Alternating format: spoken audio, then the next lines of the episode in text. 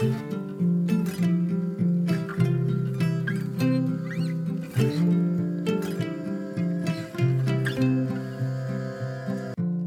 och välkommen till For Health med Anna Sparre! Idag ska jag lära dig att syra och fermentera på fem minuter. Dels ska jag på ett enkelt sätt, på fem minuter, berätta hur du gör din egen probiotika. Men dels ska du få lära dig de enklaste sakerna att fermentera och syra. Saker som bara tar ungefär fem minuter. Nu blir nog det här avsnittet lite längre än fem minuter, men det är för att jag ska ge dig flera sådana här enkla, snabba tips. Så att du kan välja. Vi har ju ett utförligt avsnitt om det här med syrning och fermentering i avsnitt 105, som jag såklart rekommenderar dig att också lyssna på. Men dels så har jag ytterligare några tips att dela med mig av här som inte togs upp i avsnitt 105. Och dels så ska jag försöka förenkla så mycket jag bara kan idag, så att du inte tvekar på att komma igång. Kort och koncist idag alltså. Om du gillar avsnittet så blir jag jätteglad om du vill dela med dig av det. Till exempel på Facebook, på Instagram eller till en vän. Glöm inte heller att lämna din recension på podcasten i iTunes. Titta också in på forhealth.se och läs ett blogginlägg eller boka mig som föreläsare till ditt företag eller event. På grund av stor efterfrågan från privatpersoner på de två dagars intensivkurser, det som jag kallar för hälsohelg, som jag anordnar för grupper, så ordnar vi nu ytterligare ett tillfälle där du kan anmäla dig utan att själv behöva dra ihop en hel grupp. Jag hade ju ett sådant öppet tillfälle i slutet av november som blev helt fulltecknat. Den här gången så blir det som vanligt hos mig på Österlen och datum är satt till den 7 till 8 april. I kursen ingår ämnen som Ät dig frisk och smal. Vad är du designad för att äta? Vad ska du äta och hur ser din optimala tallrik ut? Fettförbränna istället för att lagra. Fett och kolesterol, är det farligt? Matfusk och tillsatser, ohälsa och sjukdomar, hur undviker du det? Stress, träning, sömn, vilka faktorer påverkar din hälsa och vikt mer än kosten? Träningstips och dessutom ett kort enkelt träningspass för den som önskar. Jag ser fram emot att träffa just dig under den här intensiva och härliga roliga helgen. Anmäl dig till boka at forhealth.se eller läs mer på forhealth.se hälsohelg.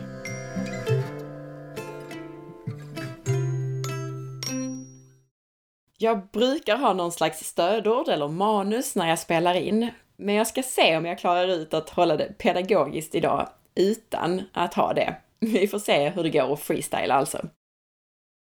Anledningen till att jag tar upp det här med hur du syrar själv, det är att jag får så enormt mycket fin feedback, både kring alla avsnitt som har med tarmflora att göra och att alla vill börja syra och fermentera och göra surkål och ha sig själva. Men när jag sen frågar om de har satt igång så är oftast svaret nej, inte än. Jag måste lära mig först. Så idag ska vi se till att du får tummarna loss. Det första jag ska lära dig att göra idag, det är någonting som både tar definitivt mindre än fem minuter att förbereda och som sen bara behöver stå i två dygn innan du kan äta det. Efter det så ska jag lära dig ett par saker som behöver stå längre innan det är klart, men där jag nästan är helt säker på att du har allt det du behöver hemma redan nu. Så att du efter det här avsnittet bara kan gå hem och sätta igång. Det första då, som jag lovade, det som är supersnabbt att förbereda och som bara behöver stå i två dygn, det är syrad kokosmjölk. Alltså en slags mejerifri yoghurt som du gör själv på kokosgrädde eller kokosmjölk. Det enda du behöver är en förpackning tillsatsfri kokosgrädde eller kokosmjölk. Du väljer kokosgrädde om du vill ha den riktigt tjock. Tänk turkisk, eh, nej, rysk yoghurt. Eller så väljer du kokosmjölk om du vill ha den lite lösare. När du sätter den i kylen så blir den ju automatiskt lite fastare än vad den är i förpackningen. Så en förpackning kokosgrädde eller kokosmjölk. Och även om jag själv älskar till exempel Kung Markatta för att de säljer ekologisk kokosgrädde utan tillsatser och utan bisfenol A i burkarna, så funkar den tyvärr lite sämre i det här fallet tycker jag. För den är skiktad och grynig och fungerar bättre i varma rätter än i kalla. Men som sagt, en förpackning kokosgrädde eller kokosmjölk och sen behöver du en eller två kapslar probiotika av en bra sort med mycket bakterier. Och det enda du behöver göra det är att hälla kokosmjölken i en glasburk, öppna probiotikakapslarna med probiotika och röra ner i kokosmjölken. Och du behöver minst en kapsel per förpackning kokosmjölk eller kokosgrädde. Jag brukar göra så att om jag har en liten sån här förpackning på 250 milliliter tror jag de brukar vara, en sån här liten tetrapack, så använder jag en kapsel. Och har jag en stor sån här 400 milliliters burk så brukar jag använda två kapslar. Så jag rör ihop kokosgrädde och probiotika från kapsel. Och sen ställer jag den glasburken med locket på glänt, alltså jag lägger bara på ett, ett lock med en liten glipa. Och sen ställer jag det på en ganska varm plats. Själv så har jag den på fönsterbrädan ovanför ett element. Och sen får den stå där i ungefär två dygn. Och sen beror det nog lite på vilka, vilken sorts probiotika du använder, men jag tycker ofta att lite mer än 48 timmar är bra för att få den en riktigt god och syrlig smak och ännu mer bakterier i det. Och sen kan du äta den direkt eller så kan du förvara den i kylskåp. Och själv så äter jag gärna den med lite frön och nötter och björnbär på. Supergott! Och nyttigt såklart. Massa probiotiska bakterier. Tänk så mycket mer du får ut av dina probiotikakapslar om du förökar dem på det här sättet. Sparar du ju pengar på, eller hur? Okej, så för att summera det här. Du behöver alltså en glasburk och i den så häller du ner kokosgrädde och i kokosgrädden i glasburken, där rör du ut en probiotikakapsel. Och sen lägger du bara på locket med en liten glipa och så ställer du det här till exempel på ett element i två dygn och sen är det klart. Superenkelt, eller hur? Två saker till ska jag lära dig. Och till det ena har du troligen redan alla ingredienser hemma. Kanske till båda sakerna. Det andra jag ska lära dig idag är surkål. Så himla gott, så himla enkelt, så himla nyttigt. Verkligen. Du behöver bara vitkål och salt. Och en burk då. Men för att vara lite mer specifik så brukar jag själv använda, jag brukar använda vitkål och sen brukar jag använda ett äpple i, men det behövs inte om du inte har det här hemma. Och sen saltet som du ska använda, då ska du använda en matsked per kilo vitkål.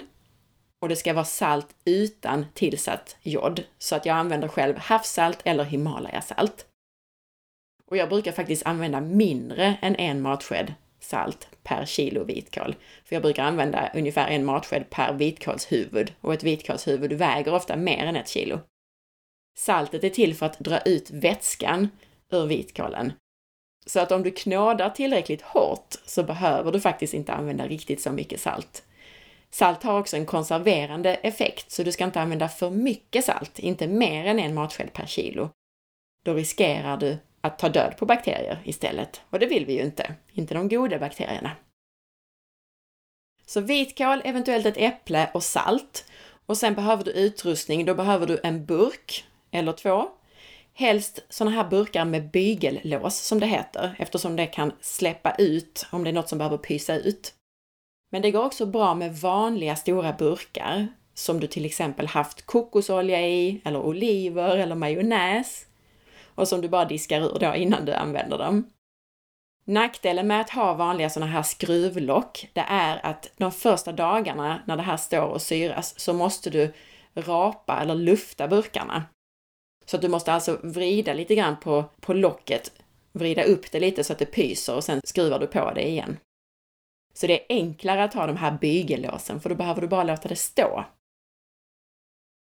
Den andra saken som är bra att ha som utrustning, det är fryspåsar och jag ska berätta varför. Men det du gör här när du ska göra surkål, det är att du strimlar vitkål. Ju finare du strimlar den, desto enklare är det. Finstrimla den så gott du kan. Sen lägger du det här i en bunke, vitkålsstrimlet, tillsammans med en matsked salt, eller max en matsked salt per kilo vitkål alltså. Rör ihop det här. Riv eventuellt ner ett äpple i det. Får jättegod smak. Låt det stå några minuter så att vätskan börjar dras ut av saltet. Och sen ska du knåda och banka det här tills dess att det vätskar sig ordentligt. Om du testar att krama vitkålen som du har knådat och bankat här i en 5-10 minuter så ska det rinna om den. Då är den klar. Och sen bara packar du ner det här i glasburkar, helst sådana här bygel med bygellås på. Packa ner det så hårt du kan, häll på all vätska som har bildats. Och sen är det bra för att se till att all vitkål ligger under vätska, att du, då kan du göra det här som Jenny Neikell i avsnitt 105 kallade för påstricket. Eller så kan du bara lägga på en tyngd. Men jag tycker att det här påstricket är bra, även om man tyvärr använder plastpåsar. Men det du gör är att du stoppar ner en fryspåse i burken då. Du lämnar alltså några centimeter upp till kanten på burken. Så stoppar du ner en fryspåse och i fryspåsen så häller du vatten. Så att det blir som en tyngd där uppe på. Och sen knyter du högst upp på påsen och sen stänger du locket på burken. Klart! Har du då en sån här burk med bygellås så bara låter du den här stå i två veckor. Har du en annan burk så måste du som sagt då pysa ut luft varje dag. Ställ gärna det här mörkt så bevaras färgerna på ett bättre sätt och jag tror, och jag gissar att mer näring också bevaras. Så ställ det i ett skåp eller ställ burken med en papppåse, en upp och nervänd papppåse ovanpå. Och så ställ det på en tallrik för det kommer att bubbla ut lite vätska de första dagarna. Låt gärna stå i två veckor, men redan efter en vecka så är det egentligen säkert att äta den här. Då har redan de goda bakterierna hunnit ta koll på de sämre bakterierna och här finns mycket fina mjölksyrabakterier. De flesta recept jag har sett, där använder man sig av 10 dagar. Jenny Neikell säger två veckor och jag tycker att det blir godast om den får stå i två veckor. Det är också jättestor smakskillnad om du har tålamod att låta surkålen stå ytterligare två veckor i kylskåp. Då blir den mycket godare. Alltså att den står två veckor i rumstemperatur och två veckor i kylskåp. Och sen öppnar du och äter. Mm, så gott! Och gör då så om du bara kommer att äta lite per dag, så lägg över det här i mindre burkar så att du bara öppnar en burk i taget. Så gör du surkål alltså. Så egentligen är det bara att strimla vitkål, på med lite salt, se till att den vätskar sig, tryck ner det i en burk och låt stå i rumstemperatur. Själv ställer jag det gärna i grovköket för där har jag värmepannan som gör att det skyndar på processen lite grann. Alltså att det är lite varmare. Jag har så svalt hemma hos mig. Det tredje jag ska lära dig att göra idag som är superenkelt och där jag verkligen tror att du har alla ingredienser hemma som du behöver. Det är picklade grönsaker, alltså syrade valfria grönsaker egentligen. Då behöver du valfria grönsaker. Du behöver vatten, en liter vatten per kilo grönsaker som du använder och du behöver salt, två matskedar salt per kilo grönsaker som du använder. Tänk så här, innan så sa jag ju en matsked salt per kilo vitkål, eller hur? Det är fortfarande så att det är en matsked salt per kilo, oavsett om du gör surkål eller någonting annat. Men i det här fallet så har du även ett kilo vatten per kilo grönsaker och därmed så blir det två matskedar salt i det här fallet. Hänger du med? Sen behöver du även i detta fall burkar och fryspåsar. Och det du gör är att du hackar grönsakerna i, i ganska stora bitar. Och sen kokar du upp vatten med salt och låter det svalna. Och det här avsvalnade saltvattnet, det häller du på dina hackade grönsaker. Så en liter vatten med två matskedar salt per kilo hackade grönsaker. Och du kan använda vilka sorters grönsaker som helst. Själv så har jag använt morötter, rödbetor, blomkål, broccoli, till och med brysselkål och grönkål. Men brysselkålen och kanske även grönkålen satte en liten speciell smak på de picklade grönsakerna, så det är inte säkert att alla uppskattar det. Och rödbetor som jag gärna använder i, det gör att äh, hela den här syrade blandningen blir väldigt röd. Så det beror på hur du vill att den ska se ut såklart.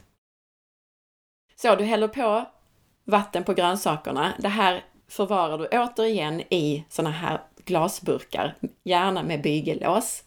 Och sen så toppar du då med påstricket att du stoppar ner en fryspåse, häller i vatten i påsen och knyter och stänger locket på burken.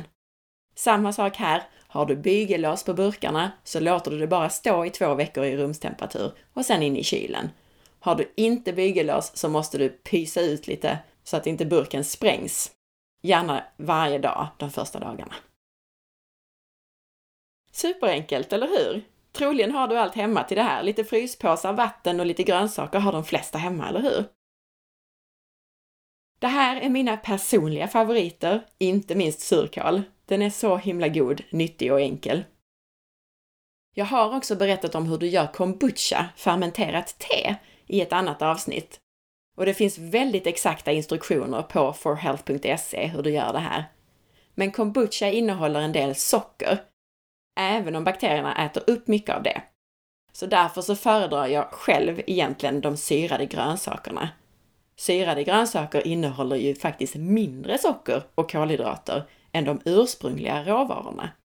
Bakterierna äter ju upp sockerarterna i grönsakerna, så surkål innehåller ju mindre socker och kolhydrater än vitkål till exempel. Verkligen superfoods, även för den som räknar varenda kolhydrat i maten. Som jag hoppas att du har förstått, det här är verkligen inte svårt. Kan det gå fel? Ja, men inte så lätt. Du behöver verkligen inte vara särskilt exakt eller överdrivet hygienisk på något sätt. Det som har gått fel för mig, det är när jag försökte syra rödlök. Lök, och inte minst ekologisk lök, har ofta en del mögelsporer på sig. Så den gång som jag syrade lök så möglade inte bara löken utan de grönsaker som jag syrade samtidigt tyvärr. Så det var bara att kasta och sätta nytt. Men som sagt, det här är den enda gången som det har gått fel. Och då kör jag ändå själv mest på känsla och jag höftar av mängder och mått av allting. Vi måste ju komma ihåg att det här var ju någonting som de höll på med långt innan vi använde kylskåp i var, vartannat hem och innan vi använde tvålar och hade digitala köksvågar och så vidare. Det är verkligen inte svårt alltså. Och som sagt, tycker du att det här är spännande? Så missa inte att lyssna på fantastiska Jenny Neikell, surtanten, i avsnitt 105. Hon har massor med tips kring detta och också på hur du ska tänka i affären om du hellre köper syrad mat än gör den själv. Jag hoppas nu att du tar tillfället i akt och bara testar. Bara kör, det är inte svårt.